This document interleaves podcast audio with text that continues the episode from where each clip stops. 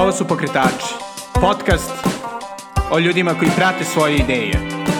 Ja sam Srđan Garčević. Dobrodošli. Ćao svima i dobrodošli u novu epizodu, a još bitnije novu sezonu Pokretača. Ova sezona počinje otprilike tačno dve godine posle početka ovog celog projekta, koji mi je donao toliko puno sreće i divnih ljudi s kojima sam pričao. I e, promena neće biti previše.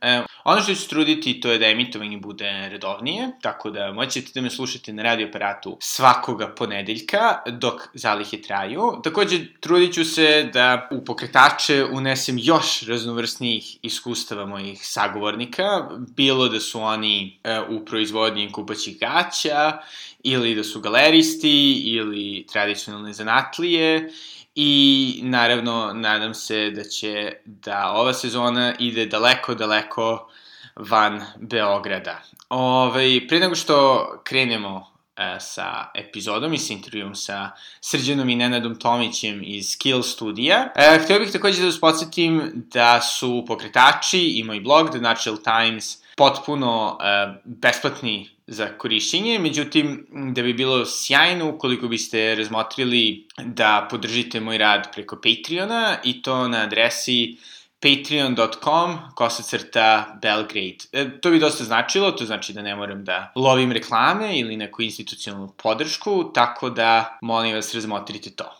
E sada, e, ova prva epizoda, moram da kažem da sam bio vrlo uzbuđen e, kad sam uopšte saznao da je Kiel, e, koji proizvodi jeli, waterpolo opremu za našu reprezentaciju, zapravo domaći brand. To sam saznao kad sam bio na utakmici Srbija-Hrvatska u okviru Svetske lige na Tašmajdanu ovoga leta. I tu sam upoznao Nenada Tomića. Njegov entuzijazam i cela priča o kilu me je totalno oduševila. Znači, e, Nenad i njegov brat Srđan su voždovčani, ovaj, pasionirani partizanovci, koji su zapravo kil započeli zato što su jednog dana shvatili kako bi hteli da imaju kupaće gaće svoga voljenog vaterpolo kluba Partizan. Međutim, to nije bilo moguće. Šest godina kasnije, kilove gaće se mogu naći na svim kontinentima, to jest klubovi sa svih kontinenta ih koriste. Franšizno se proizvode u Brazilu i bile su na pobedničkom postolju olimpijskih igara. Nenad i Srđan su, naravno, takođe pokazali svoju duboku ljubav prema Waterpolu i svojim drugim projektima. Jeli. Srđan je pokrenuo portal Waterpolo Vesti, e, koji i dalje daje najsvežije vesti iz Waterpola, dok je Nenad osnivač Kiel škole Waterpola za decu, e, ali i Kiel Beach Waterpolo kupa, koji se održava svakoga avgusta u Beloj crkvi. Tako da svakako ako i vi volite vaterpolo, kao i Tomić, ali i ja, ovaj, svakako to treba da overite. Fantastična priča braća Tomić i njihovog isto partnera, našeg proslavljenog reprezentativca Andrije Prlinovića, koji je zaštitno lice Kila, zapravo pokazuje kako za zaista uspeh i zadovoljstvo u radu je neophodno kombinovati e, jeli, dobru tržišnu priliku, pogodne okolnosti vašeg tržišta, ali konačno i najbitnije ono što vas zaista zanima. A tako da u ovoj premjernoj epizodi molim vas poslušajte priču Nenada i Srđana Tomića iz Kila. Iako je srpski vaterpolo poznat širom sveta, malo ljudi zna da je jedna od par firmi koje specializuju za vaterpolo opremu zapravo iz Srbije. Kako ste došli na ovu ideju? Pa evo ovako, da se predstavimo prvo, ja sam Nenad Tomić, brat mi se zove Srđan Tomić, e, kako smo i došli na ideju da se bavimo time, jednostavno od uvek smo volili sport, jedan i drugi, potičemo iz sportske porodice, najviše smo svega volili vaterpolo, ja sam, i, ja sam se bavio dugo vaterpolom, e, brat je bio sportski novinar, radio je za Betu, ovaj, igrali smo dugo i rekreativno vaterpolo na banjici i tu smo primetili da, da jednostavno nema da se kupe uh, vaterpolo gaće vaterpolo kluba Partizan. Ovaj, čini smo mi fanovi, da kažem, i tu smo, i živimo blizu toga. I porodično, koliko shvatam. I porodično, da, potičemo, da, stric nam se bavio futbolom, igrao je za futbolski klub Partizan dugo, a deda nam je bio sa majčine strane a, a, predsednik atletskog kluba Partizan i s te strane ovaj, potičemo iz tako da kažem jedne grobarske porodice i volili smo, volimo Vatripolo i volimo Partizan i želeli smo jednom trenutku da, da, da imamo vaterpolo gaće Partizana, nismo mogli da ih kupimo. I bila nam je grota što je to takva situacija, što to jednostavno ne može da se odmah nađe čim uđete na banjicu.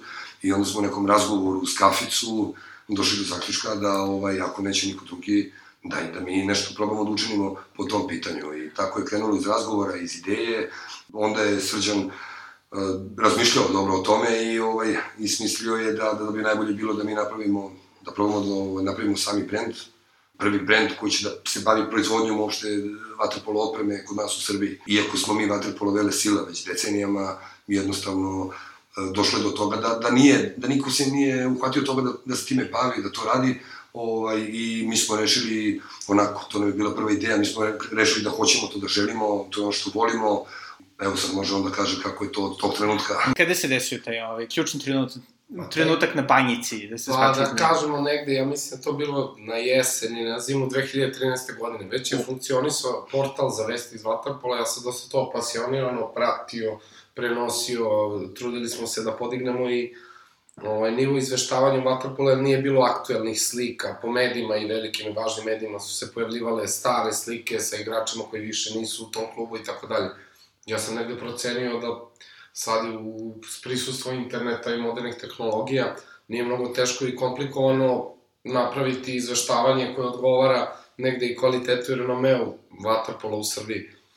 I ovaj, tako sam krenuo sa tim portalom za vesti i onda u jednom trenutku sam shvatio da je prirodan saveznik jel, na tom putu bi bio neko ko proizvodi opremu za taj sport.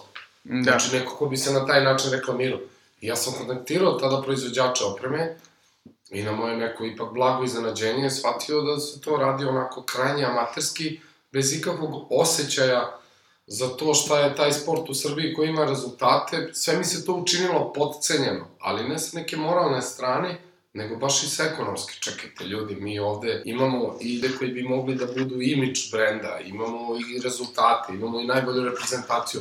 Zašto mi to pravimo Da. Zašto nam drugi prave i pocenjuju nas onako, tako reći, levom rukom, mislim da bi mi to trebali sami. I eto, tako negde 2013.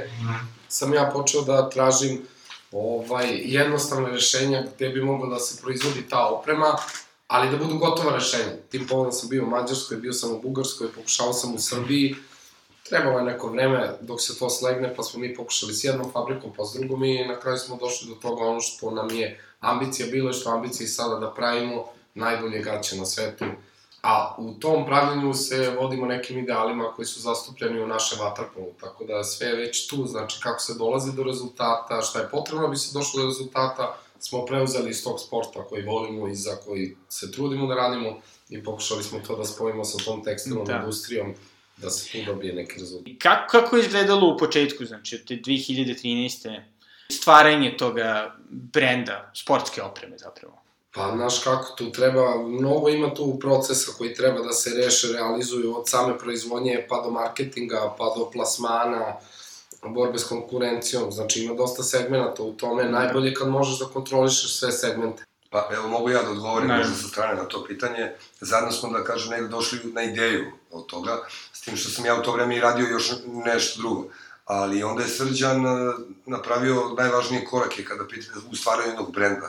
Ja sam to kasnije našao jednu sjajnu knjigu koju sam čitao, koja upravo objašnjava da treba da se uradi ono što je on uradio. Da, kako se zove, čisto, um, kako prodati nešto za 3 sekunde. Aha, e, da. Ali šta, kaže, to je jedan sjajan tip e, vojno lice bivše, koje je mag za marketing i dugo se time bavio i onako knjiga mu stvarno nije neka bez veze, ja sam slučajno došao u posjet te knjige, e, daje sjajne savete i u principu, ja sam kasnije došao, on e, objašnjava baš ono što je Srđan uradio. Za šta god da se, čino god da se bavite, ako hoćete da napravite neki brend, jedna od osnovnih stvari je da uzmete zaštitno lice koje će ljudi vezivati za taj brend. Mm -hmm. I to je jedno od prioriteta u, u tom smislu. A, ovaj, jer jedno je kad imate zaštitno lice za koje ljudi to vezu, drugo je kada krenete sami kao neki anonimus. Ovde je on a, s jedne strane angažovao i zato što je imao kontakta ranije sa vaterpolo našim igračima zbog portala, zbog vaterpolo vesti kao novinar, poznavao je igrače iz naše vaterpolo reprezentacije. Ovaj, mislim, ja mu se dalje divim kako, uspio to, kako mu to palo da. pale svakom čast, stvarno, ali je otišao je prvo kod uh, Andrije Pilinovića, ovaj, i s njim da prvo porazgovara o tome šta Andrija misli, da li se slaže, da li bi se priključio, kakav je njegov, jednostavno nije moglo, nismo mogli da znamo kako mogu da reaguju sportisti, ali htjeli smo jedan, naše najbolje srpski vaterpolo igrač, priznat u svetu. Međutim, ispostavilo se da je Andrija sjajan jedan lik, veoma poslovan i ozbiljan i ovaj, na kraju krajeva čovjek koji mnogo voli vaterpolo i koji je mnogo učinio za vaterpolo našu Srbiji i ovaj, vrlo brzo je pristao to, dopalo mu se mnogo ideja, uh, pritom moj burazir kakav ima senzibilitet, odmah, hoću da kažem, ne bi se bilo ko, ne bi mogao ni bilo ko tako da se dogovorili sa Andrijom, mislim da ne bi ni sa bilo kim sarađivao da mu je neko drugi, nego onako, od, učinilo mu se da je Srđan isto cool, poprilično i da je to super priča i dopao mu se na taj način, to je neko moje mišljenje, zato ne pričam to puno, ali to je moj utisak neki kako to išlo.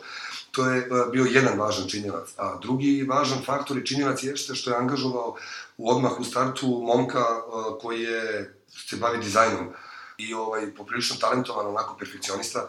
Interesantno je da je i on sa Voždovca, mi smo inače sa Voždovca, tamo smo rođeni i, i taj Filip Anđić, on je išao i s nama u osnovnu školu.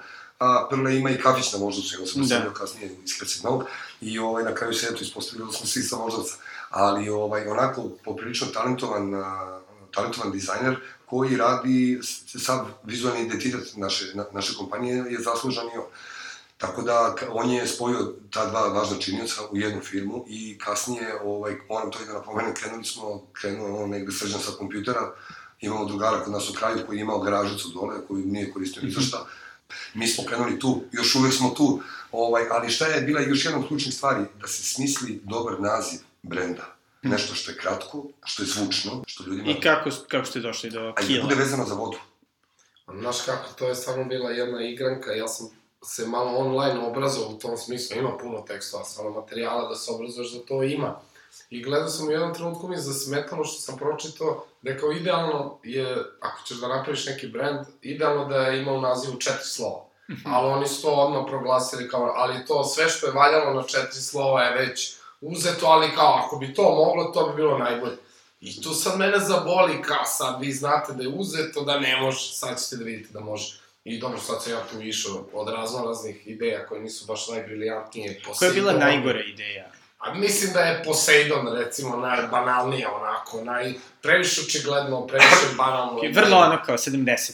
Tako je, tako je. Mislim, nisam stavio na to ideji duže od sekunde, ali znaš, ono, ljudi ti stalno oktopusi, Poseidoni, armade, sve tako neke stvari koje su, ono, na prvu loptu možda da, ali ovo je, video se poduhvat koji mora da traje treba nam nešto temeljnije. I onda sam ja na internetu listu razne stvari i u jednom trenutku sam zajunio da vidim ja ratne mornarice i istorijat ratnih brodova. Tu možda ima nešto što je, kako bi ti rekao, dovoljno tvrdo, intrigantno, što bi moglo da ponese priču. I tu sad baktao s tim i otišao stvarno predaleko, ali ajde kao ne odustajem. I u jednom trenutku e, čitam da je neki holandski ili britanski, više se ne sjećam, ratni brod imao kobilicu, ali to čitam na engleskom, ne znam koliko dugačko i veliko, što ga kao bilo rekord u tom trenutku. I ta reč mi odmah upadne kill, je kobilica na engleskom. Da. A još je na starom engleskom bila u stvari reč za brod. To posebno s kobilicom mi se dopalo, mi to ima paralelu s gaćama, znači gaće su ono što je malo ispod vode u waterpolu, ali ti daje taj pravac, stabilnost. I, a reč je od četiri slova. Onda sam ukucao odmah na Google search, video da nije previše zauzeta reč i da nije internet ono, zagušena, I to je, to da. je bilo to. Isto ono što je prilično impresivno za, za činjenicu da nijedan ni drugi zapravo niste imali neko formalno iskustvo u pravljenju ovako nečega, to je da mi deluje da ste u startu imali dosta, da kažem, internacionalnu ambiciju. Kako ste se za to odlučili? Bilo je jasno Bilo je... Da, da tržište mora bude svetsko. Jer da. nije to velika, ovaj, čak i na svetu, to je tržište u stvari niš. Nije da. neko veliko tržište. Odmah bilo jasno, mi moramo napadnemo svetsko tržište. Nije bez Tu sama, da Srbija ne bi mogli ništa tu da... Mada mi radimo i prodajemo isto zadovoljstvo normalno u Srbiji, tu se oslanjamo jer smo tu, pa smo tu najjači. Ali smo među vremenu uspeli da prodamo na sve kontinente ovog sveta, od Azije, Severne i Južne Amerike, uključujući da sad se kill gaće prave i u Južnoj Americi pod franšizom. Tako, Tako da nije nam trebalo puno ovaj, mislim, bilo je jasno, nije trebalo mnogo mudrosti da ti to možeš da prodaš u celom svetu da bi taj ekonomski posao moglo i kako da. da se isplati. I kako je, kako je zapravo izgledalo to globalno probijenje? Pa sad ću ti reći, to je, to je već bilo jasno i pre nego što smo počeli da mi moramo da se domognemo i to je ideja na kojoj sve počelo, moramo da se domognemo onih naših timova i posebno reprezentacije koja na svetskom nivou dominira. I mi smo, naravno, nismo odmah mogli da uđemo u reprezentaciju, ali smo vrlo brzo uspeli da, uz pomoć malo sponzorstva i, i dobrih odnosa i nekog dobrog plana, da uđemo u domaće klubove. Počeš od Partizana, koji je stvarno sinonim za vaterpolo širom sveta. Bez Znači, na obzira. kraju ste uspeli napraviti. Posle koliko? Pa Mislim da smo vrlo brzo smo došli do Partizana, to je bio jedan od prvih klubova. Što je što sam sarađivao. 2014. pa. To je 2014. smo počeli da radimo s Partizanom, da. I eto, tad smo već imali To je što igrače. smo želeli. Znači, preko domaćih klubova, na pretpostavljam domaće Tako je, reprezentacije. kad smo počeli da radimo za te klubove koji imaju prestiž, Partizan, Crvena zvezda u tom trenutku i e, dosta kvalitetna godinu dana pre toga bila šampion Evrope i Radnički iz Kragujevca koji je bio osvajač Evropa kupa, znači drugog takmičenja, to su već bili klubovi koji nešto znače, kad smo počeli saradnju s njima, onda su i drugi klubovi počeli da nam veruju da mi to možemo. Pre nego što smo imali, mi smo jedno šest meseci radili pre nego što smo potpisali sa ovim klubovima.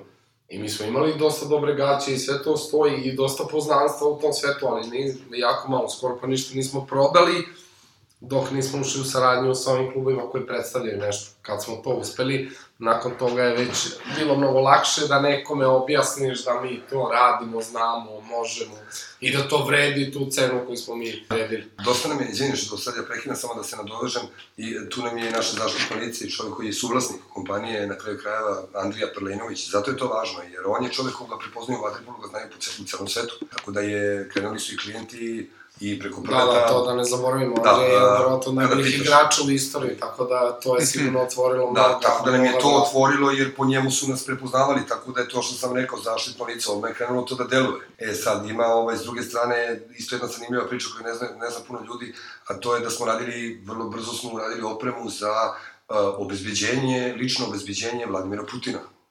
Rusije, Tako je. Da, da. Znači, njihove kupaće gaće. Kupaće gaće za njegovo obezbeđenje, on u prvom krugu, evo sad ekskluzivno. Naravno, sve, vrlo za zanimljivo. Podcaste, podcast, pokretače, uh, Vladimir Putin ima obezbeđenje svoje od 10 ljudi, na, prvi prsten. Okej. desetoro ljudi, od toga je devet momaka i jedna je devojka. I oni su spremni. To je bilo 2014. nešto, ne, možda se nešto među vremenom promenili. Dobro, A ne nećemo... znam, kažem, da kažem u tom trenutku. Da, desetoro ljudi i oni su, između ostalog, osim borilačkih sportova i fizičke pripreme i treninga koje imaju, bave se, moraju da se bave i treninzima u vodi. I mi smo jedna od prvih internacionalnih, da kažem, klinata koje smo imali, imali smo upravo i to preko jednog ruskog, našeg sad već prijatelja, Sergeja Garbuzova, bivšeg ruskog e, reprezentativca, ali za njega je zanimljivo dok su naši vaterpolisti u to vreme imali neke male tetovaže, se to tek sve kretalo, on je već imao čovek celu ruku istetoviran, onako baš faca. Sergej, i on je, ovaj, dolazili su kod njega da se pripremaju za, za vodu.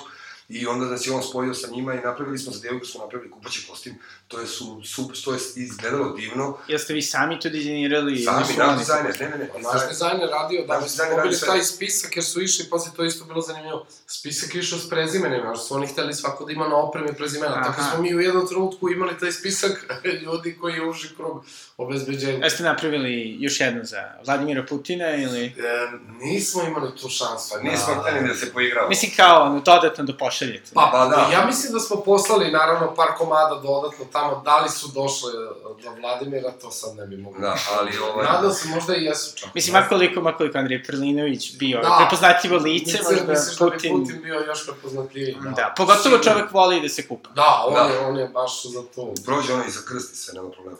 Ali eto, to nam je bilo jedno od prvih, da kažem, tih internacionalnih klijenata koji su nas onako, smo ostali pod utiskom, za koga mi radimo, kakva je prilika. Ali bio je uslov da to ne možemo da reklamiramo u nekom Da, da, vremenskom. Tako da čak da je za- on i nosio, mi to ne bi smeli da se Aha, strane. okej. Nije za zezanje, da. Ali Da. vrlo brzo smo posle toga i ušli sa novozelandskom ekipom u saradnju. Ne znam tačno kada, pa smo imali tu, to sam ti ispričao, Ekipom, njihovom Vaterpolo- reprezentacijom ili... vaterpolo jednom klubom jednim, vaterpolo sa Novog Zelanda, koji su između ostalog od nas naručili i Bade Mantile. A, smo, a nama je proizvodnja Bade Mantila tada bila u Čačku. I onda je meni bilo, onako, baš mi je bilo drago da, da Novozelanđani nose Bade Mantile iz Čačka. Još jedna zanimljivost, ovaj, kad su u pitanju države koje su iz reprezentacije koje su Aha. nastupale naši, ti ćeš mi pomoći sad Điđo, na islamskim igrama, mi smo imali tri reprezentacije koje su nastupale. Azerbejdžan, Iran Azerbejdžan, Iran i Saudi i Arabija. Saudi Arabija. Čekaj, ne, nisu Iranci igrali. Mi smo, imamo predstavnika u Iranu, prodavali smo tamo opremu, ali njihova reprezentacija nije I nosila. uspeli smo da dotvorimo opremu u Iran koji je pod sankcijama, da kažem, Da. i mi smo našli način kako tamo da stigne naša kilo. Da, ali Znači, Srbija za- nema Ali ako, ako želite na svetu da stigne, ako želite kilogramu, mi ćemo se snaći da vam one stigne. Ali šta je bilo interesantno kod tih, kad smo sarađivali sa, sa islamskim zemljama, uh, Znate šta, kupuće gaće su male, nije to jakna perjana, da sada vi imate tu prostora, ne znam za kakav dizajn, ono. Da, da. Nama ljudi šalju logo kompanije, naš dizajner uzme logo i oni imaju neke svoje želje, daje neke ideje i onda on čovjek Osmisli, toga da, da. osmisli. Da, i pošalje nekoliko predloga, to nismo rekli, i onda oni biraju. I sad kad je pitanje bilo da rezimo Azerbejdžan i ne znam tako Saudi Arabija, znate, oni nam pošalju logo i stavimo pozadje. A, Kažemo, Da, na, na na zadnjicu, na zadnjicu, tako? Na logo Saudijske Arabije je neki tekst iz Kurana i mi ga stavili pozadi, ono sve ruke. logo, ne možemo sad ništa da oduzmemo. Mi na dupe ali zaletite, tamo, bez, Šta je ovo, kao kako to ne možemo su da se. sklanja i tako. odlepili su. Nismo znali gde da im stavimo na kraju logo, ono, pravimo kupaće gaće, ne pravimo, ono, ne znam ja šta, dizajna, ali uh, dešavalo nas je, ovaj, u principu, raznih zanimljivosti, ono što prija nama jeste da imamo i kancelariju, neku radnicu i tako dalje, e, sa ljudima, volimo da smo kontaktu sa ljudima iz sporta i ovaj, svi ti sportske ekipe koje se, koje sarađuju sa kilom, to moram da kažem, mi im damo jedan specifičan vizualni identitet, jer sve kod nas je noobičajeno, i nas i ta turbo kompanija, gde smo mi sada priznati, mi stvarno imamo dizajn vrhunski, mi imamo odličan kvalitet, to je nešto, imamo prleta, to je nešto što nas zaista odvaja od drugih. da. Koliko ovaj, kill ekipa na, u Tokiju 2020. Ja se Jedna nadam- sigurno. Ja, sam- se nadam, da. Trebalo bi da budu i Brazilci. Tako da vidjet ćemo sad u, u toku Panameričke igre gde pobednik se plasira direktno u Tokio na olimpijske igre i Brazilci su sad u našoj opremi, bore se u Peru i Peruanci su u našoj opremi, Aha. tako da je sad tamo negde u Limi ovaj, kill borba u toku na, na blizu obala Pacifika, tako da vidjet ćemo šta će se desiti. Nadam se da će Brazilci uspeti da odatle premoste taj Pacifik i da stignu do Tokija, da će se tamo boriti u kill opremi. Mislim, jedna stvar koju možda trebalo pre da vas pitam, Da. ali to je šta zapravo čini dobre kupaće gaće? Mislim, šta, šta kill, zašto su killove kupaće Zašto su gaće? kilo drugačije, najbolje? zašto baš njih da kupite? Pa prvo zato što ih nosi reprezentacija Srbije, znači tu se i testirane su u vaterpolu koja je definitivno disciplina gde su najžešći uslovi. Tamo moraju da izdrže uslove i u bazenu i fizički da izdrže sve ono što se igrači Znači, šta, čupanje, čupanje cepanje. i svega. inače to nismo mi izmislili, naravno uvek je u tem nekom svetu vodenih sportova uvek je važio prestiž da ako hoćeš da gaće koje će ti traju uvek nabaci one koji su za vatrpom. Sad to s tehničke strane što se tiče širenja i krojenja, ima par tehničkih fazona koji nisu nešto mnogo specijalni. Ja sam igrao prilike ne znajući ništa o tome, moram malo da proniknem u to i to je nekoliko širećih mašina, dobar materijal i dobra guma, to je ono što, što čini, uh, što bi rekli, i hardware gaća, Da. da. a onda preko toga ide dobar dizajn i možeš da imaš određeni imidž, tako da i ta, ipak jedan jednostavan proizvod je sklopljen sa od Da. više aspekta. Zašto lice naše Andrija Pelinović, to je jedan od najboljih igrača vaterpola na svetu. I on je aktivno učestvovao u napretku i poboljšanju samih gaća. Prve, mi kada napravimo nešto, mi prletu to dajemo prvo. Onda on trenira u tome, on je svaki dan u bazenu, on je već Da. godinama, decenijama je čovjek u bazenu i on zna šta njemu prija, da li te gaće treba da budu dublje, šire, e, skupljene, kakav Da. treba da bude lastiš i tako dalje. On, a dizajner radi svoj posao. Da, jedna stvari koju ste zapravo pomenuli ovaj, u našem razgovoru pre snimanja je bilo to kako je jedan od velikih e, izazova bio održavanje kvaliteta. Da. Ovaj, kako ste to osigurali? Pa, e, dosta je jednostavno, što se tiče kupaće gaća i kapica, to je jedan segment koji pravimo u Mađarskoj. Ambicija je naravno da se ta proizvodnja preseli u Srbiju i da mi, e, konačno, osim što smo srpski brend, jel, i izvozimo i tako dalje, da počnemo i taj proizvod koji nam je najvažniji, da proizvodimo u Srbiji. Neće biti lako, mislim da sledećih godinu dana, bar ja lično ću se posvetiti baš tome, da mi konačno to uspemo da uradimo, a sad se nalazimo u jednom ekonomskom paradoksu, da mi u stvari proizvodimo u Evropskoj uniji, Mhm.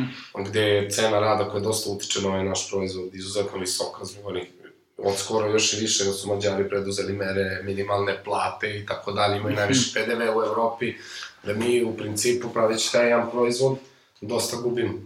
Da. Međutim, ono, sve to što smo ekonomski izgubili, s druge strane smo dobili profesionalizam, jer ta fabrika s kojom mi sarađujemo i koja proizvodi našu opremu, ovaj, nije ranije radila vaterpolo proizvode, znači mi smo te proizvode u saradnji sa njima razvili, ali je puno radila proizvoda za plivanje jednog ogromnog internacionalnog brenda i proizvodnjom tih proizvoda za celo evropsko tržište, oni su ovaj, došli u posled velikog iskustva, kvalitetne radne snage i svih neophodnih mašina koji ti trebaju da se to napravi. Plus su jako, po prirodi stvari, vlasnici te fabrike jako odgovorni ljudi, I ja sam uspeo da uspostavim neku vezu poverenja s njima. I ako su oni imali nekih tih ekonomskih iskustva kad ih je taj veliki e, brand napustio, oni su imali veliki broj radnika, odlične mašine i sve, već nisu imali šta da proizvodi. Mm. I onda su oni proizvodili neki svoj brand, pa je bila ekonomska kriza, oni su tu dosta novca izgubili i sad u trenutku kad mi počinjemo da sarađujemo, oni su prilično uplašeni od bilo kakve saradnje. I to računam veliki rezultat sam ja uspeo njih da uljuljkam, da mi veruju i da im objasnim racionalno, ne da preterujem, ali da im kažem da ovo što bi mi radili stvarno ima perspektivu. I onda smo tako korak po da. korak, a oni su ljudi koji imaju standard. Kako su se oni osjećali, obzirom da su i oni velika vaterpolo nacija? Ali, da, oni jesu velika vaterpolo nacija, ali nije ih to ni najmanje ovaj, tangiralo, to da. što rade za nas. Izvinjam se, oni su radili za Speedo, to nisi rekao kad smo čuveni Speedo. Ovaj. Kasnije, ono što je interesantno, tržište jednostavno nije bilo presasićeno kad je u pitanju ovaj, proizvodnja vaterpolo opreme ba, uvaženo neko mišljenje da ne igra, da to ljudi vide na svetskim prvenstvima da Vaterpolo igra nekih 8 do 10 reprezentacija, ali to je greška, ovaj, Vaterpolo se igra, evo sad mogu da vam kažem sa, sa nekim totalnim sigurnošću da se Vaterpolo igra po celom svetu. Praktično ovde, uh, kod nas u Srbiji uh, ima dosta stvari koje ljudi jednostavno ne stižu ili ne, ne uspevaju da, da se time bave i ostavljaju vam prostora da, da u principu vi ako želite, ako verujete, da ako hoćete da radite, da ostavljaju vam prostora da možete, odnosno meni je to onako, u principu što se tiče samog vaterpola, kompanija Turbo je ona koja je najpoznatija i najjača u svetu, ali osim... I oni su, odakle? Oni su Španci iz Španije. To, oni su, evo, to je iz Barcelone. Iz Barcelone. Hoću da kažem, ni na sve, oni su na svetu najpoznatiji brend i svi su sigurni u njih i ovaj, najlekše svima da uzmu opremu od njih. Osim njih, tu nije bilo arena, je radila, ali su se ove ostali brendovi skoncentrisali na plivanje. Tako da nama su ostavili prostor, a mi smo u startu krenuli da gajimo sa samim nazivom brenda neki internacionalni imidž, kao što si ti srđane da, da. primetio. A u ovom vašem putu, znači u ovih proteklih šest godina, a šta biste rekli individualno, ovaj, da vam je neko bilo najteže? Što se mene tiče, uvek mi je najteže ovaj, da neka čudna disbalans, neki čudan između toga koliko smo mi priznati u svetu u tom vaterpolu, uh mhm. -huh. a koliko se to kod nas ne prati nikako na adekvatan način. To mi je smetalo, zato smo se i krenuli da radimo, a ono što mi je kasnije smetalo jeste odnos naših klijenata i našeg naroda, s jedne strane ljudi koji su bili neki naši drugari, pa su pomenuo sam Turbo ili Kill, pa iako je srpski brend, odlučivali su se da uzmu Turbo opremu, moram to da kažem stvarno, mislim, nije mi to bilo teško, nego onako mi je bilo, um, I nikad to neće uspeti da prihvate. To je jedna stvar. Druga stvar što mi je smetalo u konkretnom poslu, što ljudima je došlo je do toga da niko ne obraća pažnju na kvalitet, na dizajn i na srpski brend na kraju krajeva, samo se samo se gleda brojka. Znači, šta je samo da je što jeftinije, da njega to što jeftinije izađe, smeta mi što ovaj, na kraju krajeva što je takva, mislim, verovatno je takva naša ekonomska situacija je natrela i narod da bude takav, ono, ali ovaj, ne mogu da kažem da koliko god mi je bilo šta bilo teško, nikada me to nije obeshrabrilo, jer smo od starta imali veliku veru da ćemo uspeti i dalje, i dalje nije lako, ali vera kako je vreme prolazilo, mi smo sve više verovali od tog trenutka, od kad smo maštali, kad smo videli naše gaće, pa do danas ili do sledećih pet godina, uh, vera je ostajala jaka i mislim da je to ono što nas je vodilo i vuklo. Ne mogu da kažem u da mi je nešto bilo teško, radili smo to ovaj posao, mi to volimo, to je naše i ne mogu da kažem da smo osjećali tu, bilo je to stvari koje su mi smetale, ništa mi nije da. opterećivalo da skatim. Srđene? Meni jedino što smeta je što postoji neka opšta predubeđenje, predrasuda da je potrebno korporativno upravljanje, neka određena strogost u poslovanju koja će jedina doneti rezultat. Ne mogu s tim nikako da se složim i da se pomerim da za sve segmente tržišta i za svaki proizvod je to neophodno, ta neka... U smislu da, da, da ste vi mislili da to morate raditi u okviru kila ili da su drugi očekivali od vas? U smislu da, tog očekivanja, ako ne radiš u korporaciji, Aha. koji ti posao uopšte, što vi tu radite, pravite neke gaće, je to, šta je to, Adidas nije, što onda vi to A to je ništa. bilo od vaše bliže okoline? To ili- je, od- da, i od bliže očine okoline da. bilo i sad je. Ja sam rekao sam ti da mi smo prodali franšizu, znači Kill gaće se sada, ovaj, na osnovu tog nekog našeg znanja i rezultata, proizvode u Brazilu. A isto bi se vratio taj Brazil, ne znam koliko ima sportskih tih nekih brendova ili bilo kakve firme, mi smo bili na pobedničkom postolju olimpijskih igara. To je neko dostignuće. Impresivno da Na ga. 2016. u Rio de Janeiro vaterpolo reprezentacija Srbije je osvojila e, zlatnu medalju da. u vaterpolu olimpijsku posle 28 ili 30 godina, nisam siguran. Posle U naš- 88. posle Mislim, 88, Srbija je nikad da. nije osvojila nešto. Da, prvi put. Prva da je za Da. Srbiju. Bila I mi smo bili tu, da, tako da mi možemo da se ovaj, pohvalimo kao kompanija da smo osvajači, kao sponsor, Da. kada smo kao osvajači sponzori vaterpolo reprezentacije Srbije. Ali evo, izvini sad, ako si to nešto da nas pitaš, hoću da kažem, e, najveća oskušna daska je bila kada smo uspeli da napravimo saradnju sa s Vaterpolo Savezom Srbije, odnosno kad smo postali Da. tehnički sponsor uh, Vaterpolo reprezentacije Srbije. Jer tu smo ipak vele sile u tom sportu i oni znaju i o, ono, to je za nas bio najveći marketinški uspeh i na to smo, ja mislim, i dan Da. danas najviše ponosni i to je ono što nas reprezent... povezuju Kiel sa reprezentacijom Srbije. Želimo tu i da ostanemo, sećam se da kad mi je to brat rekao da, da smo ušli u reprezentaciju Srbije, me- mene to katapultiralo u univerzum, Da, da. ono, u kosmos me katapultiralo, nisam mogu da verujem. Ovaj, Da, ne e, samo što smo ušli, nego nakon što smo mi ušli, pet dana kasnije počelo evropsko prvenstvo u Beogradu. A, Tako da smo tu baš ovaj, počeli i baš je prvi gol u opremi Andrija dao na utakmici s Hrvatima. Ima dosta- I poslednji smo evropski prvaci, tako da to bilo puno Ima, da, dosta emocija i da. zanimljivo. Šta ste nekako najviše naučili što se tiče toga nekog ono, poslovnog aspekta u ovih proteklih šest godina? Pa ja sam puno naučio, to moram da kažem, ima raznih aspekata ovog posla, mi pokušamo da rukovodimo ceo taj proces od proizvodnje do plasmana jednog, eh, jedne robne marke sportske opreme i tu ima puno detalja. Svaki taj detalj do negde moraš da, da poznaješ, ako ne apsolutno, ono bar dovoljno da možeš da o tome odlučuješ. Tako da taj ceo spektar i proizvodnje i marketinga i, i formiranja cena, pa i pribavljanja finansijskih sredstava u trenutku kad nije sezona, nema prodaje, moraš da nadomestiš, znači sve te to dovodi u neke situacije i ako ništa drugo nismo naučili, naučili smo da uvek ima nekog rešenja i da treba verovati u sobstvene sposobnosti. To je ono što smo pričali pre razgovora i to mislim da je prelomna tačka generalno za ekonomiju i to zašto sam pominjao korporacije i tako dalje. Nemoguće da je sve rezultat samo hladne kalkulacije i proračuna. Ja ne mogu temperamentom da se pomenim sa tim. Mi smo ovo iz instinkta ušli, imali smo neke informacije, nije da smo srljali, ali ušli smo iz instinkta, pokušavamo podignemo profesionalizam i standard i stalno negde guramo u tom pravcu, ali ostajem pri tome da, da mora da se igra negde instinktivno i ovaj delimičan uspeh za sad koji imamo, nismo ovde sad došli da pričamo o nekim uspesima koje smo prošli, decenijama, ne znam kakve. Ali neke rezultate imamo i stremimo da postignemo još više novih i najviše zbog toga što verujemo u sobstvene sposobnosti i u, verujemo u sposobnosti ono što je lako prepoznati da je dobro, da valja, a to je srpski vaterpolo. On je bio dobar i sad je dobar i bit će dobar i treba ga ovaj, treba ga samo proširiti na tržište, na ekonomiju, što mu sad momentalno malo fali.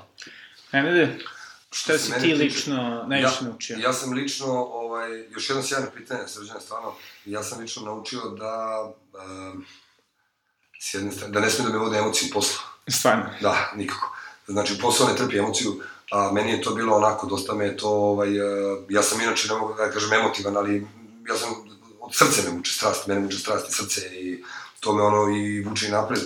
Uh, I to je jedna stvar, znači, mora se ići tu zaista s neke strane hladne glave sa jakom verom, ali jednostavno emocije ne smete da uključujete u to, jer kad je pitanje, jednostavno posao to ne trpi, to je jedna stvar, druga stvar koju sam naučio koja je važna, ovaj, a to jeste da ne treba mnogo verovati ljudima, nekako.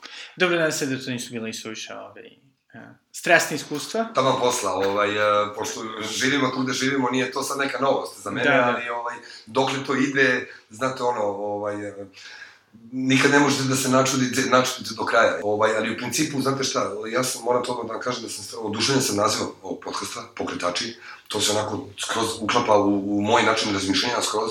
Ja, nas dvojica, pokrenuli smo to što smo pokrenuli.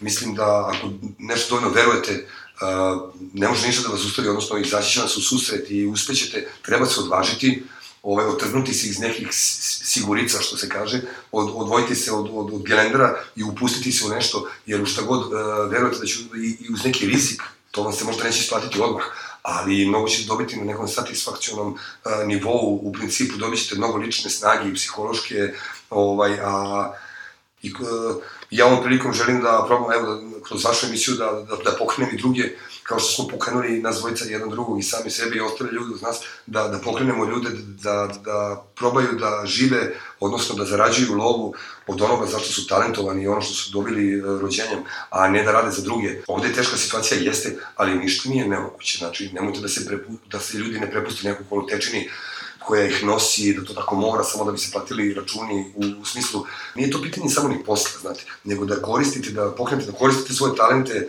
da li je to pisanje, da li je to ono, da radite ono što vam ide od ruke. Znate, a sigurno toga ima, ljudi su talentovani za razne stvari, ali moraju zbog situacije da to stavljaju po strani, ali ja kažem, kogod se odvažio, mislim da je i uspeo. I to su bili srđani Neda Tomić iz Kila, Nadam se da vam je bilo zanimljivo. Ukoliko vam se ova epizoda svidela, molim vas lajkujte, šerujte, epizode su dostupne što na mom Soundcloudu, što na mom blogu The Natural Times, što na radio operatovom Mixcloudu, a naravno i na svim većim podcast platformama. Takođe, naravno, setite se ukoliko mislite da ovo što radim ima smisla i sviđa vam se, razmislite da e, mi donirate par dinara na mom profilu na Patreonu, koji se nalazi na adresi patreon.com, kosacrta Belgrade. To bi puno značilo.